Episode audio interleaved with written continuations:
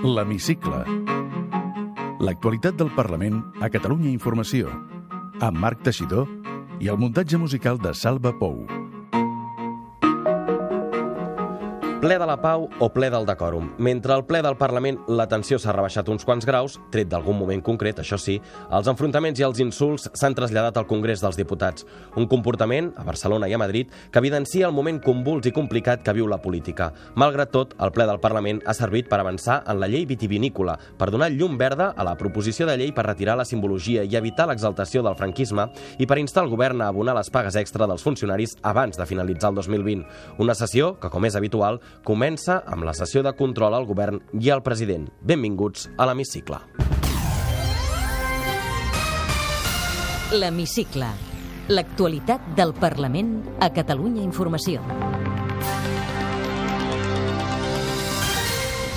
Torra treu conclusions. El poder judicial espanyol, la cúpula del poder judicial espanyol està devastada i per tant és absolutament impossible pensar que els nostres eh, presos polítics puguin tenir un judici just.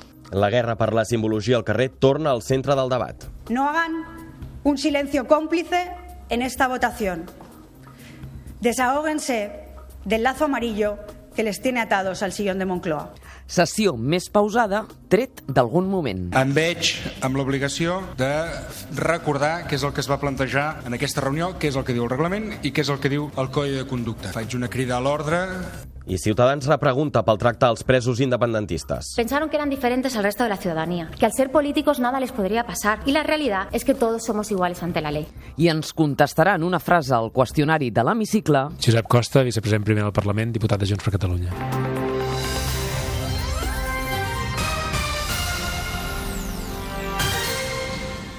Nou ple al Parlament, nova sessió de control al president. Torn dels grups per preguntar a Quim Torra, una sessió de control que arriba pocs dies després que es filtrés al WhatsApp on un senador popular, José Ignacio Cosidó, afirmava que el PP controlaria per darrere la sala del penal del Suprem, la que ha de jutjar l'1 d'octubre. Un missatge que provoca la renúncia de Manuel Marchena per presidir el Consell General del Poder Judicial i el Tribunal Suprem. Arguments i qüestions que entren de ple en la sessió de control. Ho repassem amb Victòria Vilaplana. Sessió de control.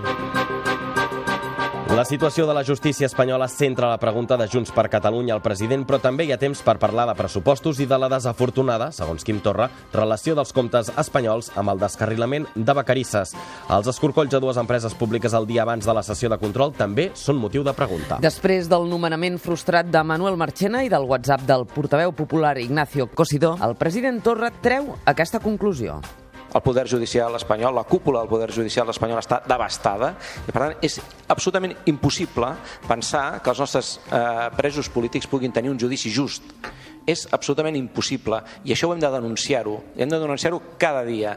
Torra enumera diversos casos per explicar la mala imatge de la justícia espanyola que, al seu parer, es notarà en el judici de l'1 d'octubre. El president recorda la sentència del Tribunal Europeu dels Drets Humans que condemna l'Estat per no haver permès un judici just a l'actual coordinador general d'EH Bildu, Bernaldo Otegui, així com el xat dels jutges on insultaven independentistes, la polèmica per l'impost de les hipoteques i els darrers capítols del nomenament frustrat del jutge Manuel Marchena com a president del Suprem i els missatges del portaveu del PP al Senat, Ignacio Cosidó. El president es pregunta en quin país viu el ministre de Foment, José Luis Ábalos, que va demanar que s'aprovin els pressupostos de l'Estat per poder invertir en les infraestructures catalanes. Paraules del ministre que arribaven el dia del descarrilament mortal d'un Rodalies a Vacarisses. Ahir no era el dia perquè el ministre Ábalos sortís a reclamar-nos que, fe, que votéssim els pressupostos perquè tindríem més inversions.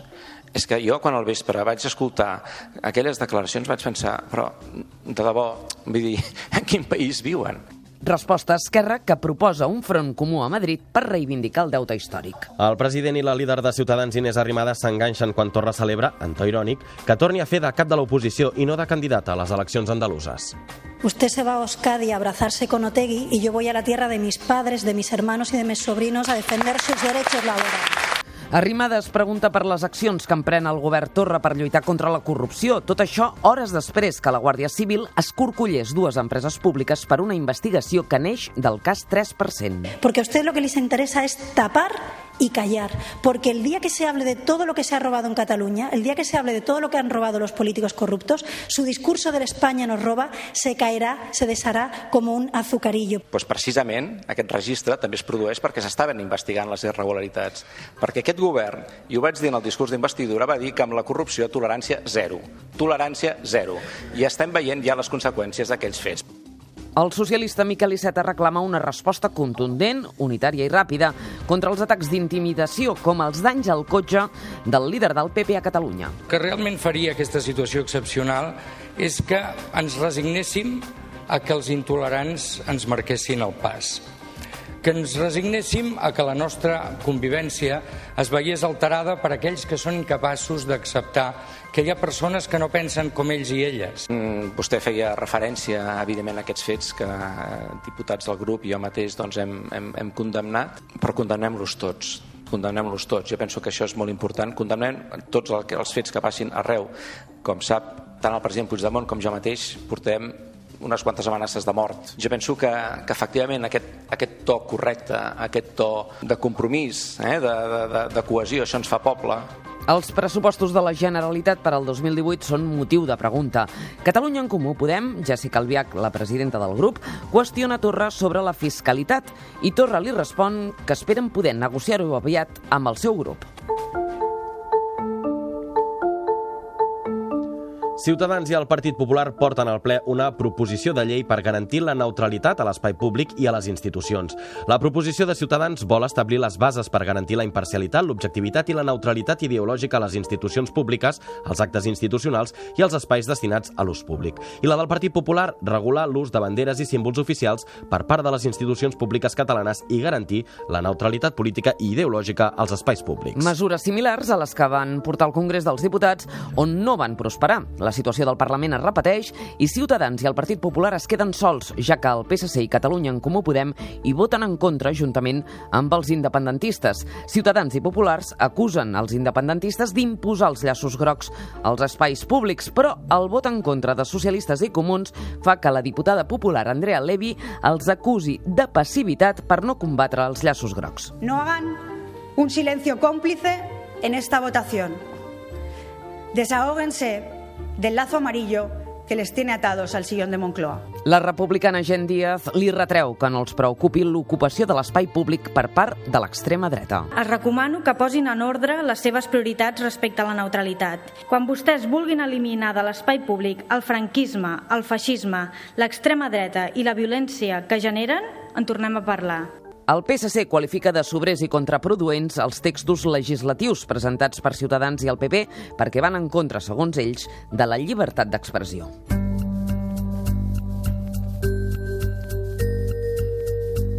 Més qüestions del ple. La recuperació de les pagues extra dels funcionaris del 2013 i 2014 provoca una picabaralla entre la diputada socialista Alicia Romero i el conseller de Polítiques Digitals i Administració Pública Jordi Puigneró. Romero considera que el govern no comença a abonar les pagues extra pendents per una qüestió de voluntat política i assenyala que té un pressupost molt important. No carreguin al govern de l'Estat una responsabilitat que no és seva, que és seva, però vostès no volen crear una república independent, amb totes les competències. Doncs pues aquesta la tenen, aquesta la la tenen. Tenen un pressupost.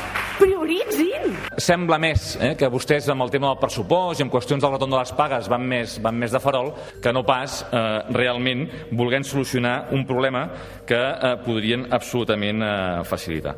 Per tant, jo li demanaria que, en aquest sentit, eh, si el PSC encara pinta alguna cosa a Madrid, eh, doncs ens ajudin.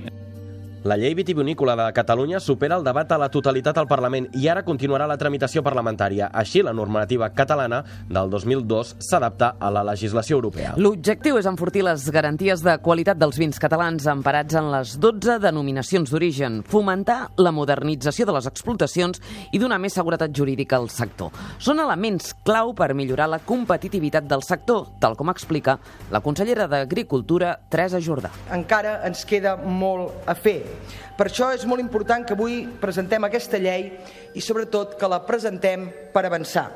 Tenim grans reptes al davant i estem al costat del sector per acompanyar-lo, per acompanyar-lo i no només acompanyar-lo, sinó també per reforçar-lo en aquest camí cap a la competitivitat, però també cap a l'excel·lència. Actualment, els vins catalans són els més consumits a casa nostra i s'exporten un 54% dels vins i un 65% dels caves. I el govern de la Generalitat planteja una reforma fiscal per aconseguir els suports al projecte de pressupostos de l'any que ve. De moment es mostra reticent a modificar l'impost de successions, però s'obre a una modificació de l'IRPF per a les rendes més altes. La moció socialista insta el govern a aplicar un seguit de mesures en matèria fiscal de cara al 2019. Reclama una reforma de l'impost de successions i donacions per fer-lo més just i progressiu, la modificació de l'IRPF per les rendes més altes i una reforma fiscal verda per fomentar l'eficiència energètica. En el primer punt, els dos grups del govern hi voten en contra i en el segon i el tercer s'hi abstenen. La socialista Alicia Romero retreu al govern que voti igual que Ciutadans i el PP. Teresa Pallarès de Junts per Catalunya es mostra disposada a parlar-ne. Avui el que passarà aquí és que vostès, els quatre, votaran a favor dels mateixos punts en reforma fiscal. Després vindran a parlar amb nosaltres, pressupostos, no, no sé, no tinc cap trucada encara per parlar de pressupostos. Uns pressupostos socials i un sistema fiscal d'aplicació dels tributs més equitatiu i eficient. Per tant, tota aquesta línia de fiscalitat ens emplacem a parlar-la i a negociar-la amb tots aquells grups que estiguin disposats a parlar-ne.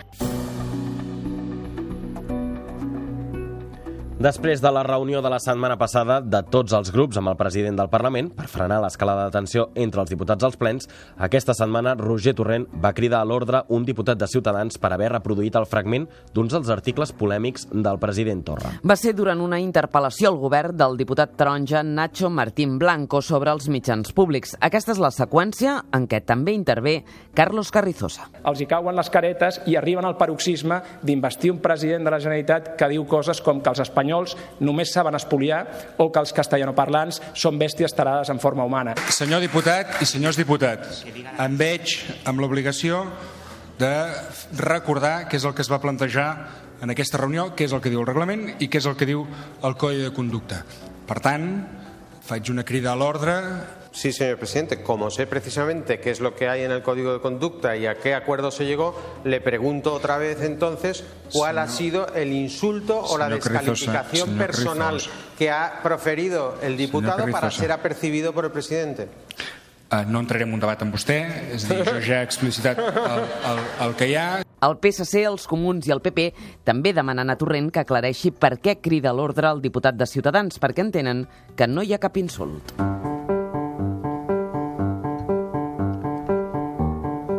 Un darrer apunt abans de l'entrevista. Aquest divendres passa endavant al Parlament per crear la Comissió d'Investigació de les Activitats de la Casa del Rei.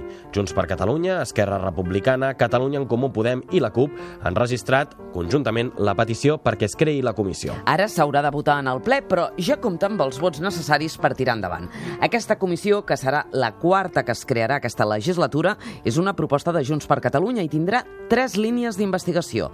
Les actuacions destinades a forçar el trasllat del domicili social de bancs, grans empreses i multinacionals fora de Catalunya durant els dies posteriors a l'1 d'octubre, les estructures de corrupció vinculades a la família reial espanyola i a persones que hi estan relacionades i els presumptes comptes irregulars de l'anterior cap de l'Estat a Suïssa i altres paradisos fiscals a nom de terceres persones. En una frase. I aquesta setmana, a l'entrevista de l'Hemicicle, comencem un cicle de converses amb els membres de la mesa del Parlament i parlem amb Josep Costa, vicepresident primer del Parlament i diputat de Junts per Catalunya. Entre altres coses, assegura que el seu grup no té cap interès a mantenir Pedro Sánchez al capdavant del govern espanyol i també diu que la justícia espanyola està al nivell de la de Turquia. A títol personal, li diu a Carme Clèries que ha fet del seu hobby, la política, la seva professió. Té la paraula Josep Costa, vicepresident primer del Parlament, diputat de Junts per Catalunya. Li proposo que fem un exercici. Jo li dic un nom, un tema o totes dues coses i vostè em diu si pot ser menys d'una frase que li suggereix. D'acord? D'acord. Ignacio Cosidó i el Poder Judicial. No és un estat de dret, sinó és un estat que no hi ha dret. Pablo Casado instant el president del govern espanyol a actuar abans que passi alguna desgràcia a Catalunya. Eh, viuen en un altre món i tenen una realitat paral·lela per, per al públic espanyol. Els ciutadans de Catalunya perdran 2.200 milions d'euros si no voten els pressupostos de l'estat espanyol. Eh, perdrem 16.000 milions cada any si no som independents. Pedro Sánchez deixa entreveure la possibilitat d'un superdiumenge electoral al mes de maig. Uh, sabem des de fa temps que aquest és un govern que està en campanya electoral i només busca el moment per convocar eleccions. Comuns i pressupostos a Catalunya? Jo crec que hi ha un marge de... de Parlem-ne i, i arribem a acords. Unitat de l'independentisme, la veu possible? És imprescindible i serà possible si la societat civil i la, la gent de base ens empenya a, ser, a anar units. Repte superat ara, senyor Costa, si li sembla, es pot esplaiar ja una mica més i seguim amb l'entrevista. Creu realment possible la unitat de l'independentisme a Catalunya perquè Esquerra Republicana i la CUP ja se n'han desmarcat? Jo crec que si la gent els ho demana i els ho reclama, eh, s'ho poden repensar, ja ha passat altres vegades. És a dir, té confiança en això? Jo tinc confiança en que la gent premiarà aquells que apostin per la unitat. L'espai postconvergent i Esquerra estan condemnats a no entendre's mai? No, jo crec que estem eh, en un mateix espai, que, que compartim eh, moltes coses i que ning, no podem fer política, no podem assolir el nostre objectiu sense entendre'ns. Catalunya serà independent o no serà? Catalunya serà independent perquè l'estat espanyol ha renunciat a governar Catalunya de forma democràtica. Què en pensa de les penes que demana la Fiscalia i l'advocacia de l'Estat pels presos independentistes? Bé, que tenim una justícia al nivell de Turquia i que eh, estan fora d'Europa en qüestions de, de respecte per, pels drets humans, per les llibertats eh, polítiques i socials. Es refereix a un polític curt que la Unió Europea els ha, els ha advertit a Turquia de que estan vulnerant els seus drets. Creu que això pot tenir alguna repercussió en els empresonats eh, catalans? I tant. En l'àmbit del Consell d'Europa, que és molt més ampli que el de la Unió Europea, hi ha dos estats que tenen presos polítics eh, que són eh, diputats electes, que és Turquia i l'estat espanyol. Per tant, una sentència del Tribunal Europeu de Drets Humans, que té jurisdicció en tot el Consell d'Europa, sobre els drets polítics dels presos, evidentment té repercussió a Catalunya, només faltaria. Per això vostès ho portaran en aquest tribunal? Bé, les defenses dels, dels presos ja ho, han, ja ho han intentat i ja estan eh, fent tot el possible per arribar-hi quan abans millor, tot i que el Tribunal Constitucional està, eh, diguéssim, alentint o està fent una estratègia de dilació perquè no puguin arribar-hi tan aviat com voldrien. En les darreres hores, eh, a més a més del WhatsApp de Cosidor i de que s'hagi dinamitat el pacte que hi havia entre el PP i el PSOE en l'àmbit eh, judicial, eh, s'ha retirat també, s'ha acomiadat o s'ha fet plegar, diguéssim, a l'advocat eh, de l'Estat en cap que volia acusar de rebel·lió i no de sedició als independentistes. És una prova més de què? Jo crec que hi ha unes estructures de l'Estat que van a una al marge de, de qui governa, que eh, té a vegades més poder que els propis eh, governants electes. Eh, hi ha un, un, un intent, jo crec, de, de, del nou govern d'intentar manar una mica, però no se n'acaben de sortir. I jo crec que al final aquestes estructures que tenen eh, que venen de lluny, que moltes tenen connexions amb el franquisme, que tenen connexions amb la monarquia, amb els poders fàctics, eh, manen molt encara i el, i el govern espanyol actual, el govern socialista, els hi té molta por. Vostè creu que en les condicions actuals es pot, eh, vostès es poden asseure a parlar amb el govern de l'Estat d'alguna cosa, de pressupostos o de salari mínim o d'altres coses? Jo crec que el que, el que s'ha de fer és que eh, les, les forces polítiques catalanes o catalanistes a Madrid eh, defensin el seu programa de forma estricta i de forma contundent, amb fermesa, i no fer concessions a l'estabilitat d'un govern que no se la mereix. Com s'ha de fer perquè tothom tingui dret a una vivenda digna? És un problema dels que volem fer front amb tots els recursos que ara no tenim. No és una qüestió que tingui una solució d'avui per demà, però jo crec que és d'aquests elements que ens diuen que ens calen moltes més eines legislatives, molta més capacitat legislativa i molta, molts més recursos per fer-hi front. Jo tampoc eh, no voldria, diguéssim, transmetre la idea que no es pot fer res, però tampoc que eh, sense, sense ser un estat independent ho podem resoldre del tot. I la pobresa energètica com, com s'acaba amb ella? D'una forma a curt termini? menys eh, poder per, per les empreses subministradores i més eh, empoderament de, de, de les administracions locals, sobretot, que són les que tenen més contacte diari, i, i una aplicació clara de la, de, de la normativa que s'ha pogut eh, aprovar en aquest Parlament. Digui'm quan creu que durarà aquesta legislatura. És impossible fer apostes sobre això. Jo crec que no ens hem d'enganyar que a Catalunya fa temps que no s'esgota una legislatura de 4 anys perquè bàsicament no es respecta la voluntat majoritària eh, dels ciutadans cada vegada que voten i això fa difícil de, de, de governar amb estabilitat. Digui'm si vostè té salut, si va a la salut pública, vaja, o té mútua. Ara mateix, evidentment, estic en el sistema públic i abans, quan era advocat, tenia la mútua de general d'advocacia. Té pis de lloguer o de propietat? Visc de lloguer perquè encara no puc ocupar el pis que m'he comprat. Amb quin diputat o diputada que no sigui del seu grup dinaria i faria sobre taula tranquil·lament? Bé, et faré una miqueta de trampa i te'n diré dos. Eh, del grup republicà, eh, amb en Josep Maria Jové, eh, i amb la portaveu de la CUP, Maria Sirvent. Digui'm un pecat confessable. La gula. Quin és el seu paisatge favorit? Eh, segurament és una aposta de sol a Eivissa. Els seus hobbies?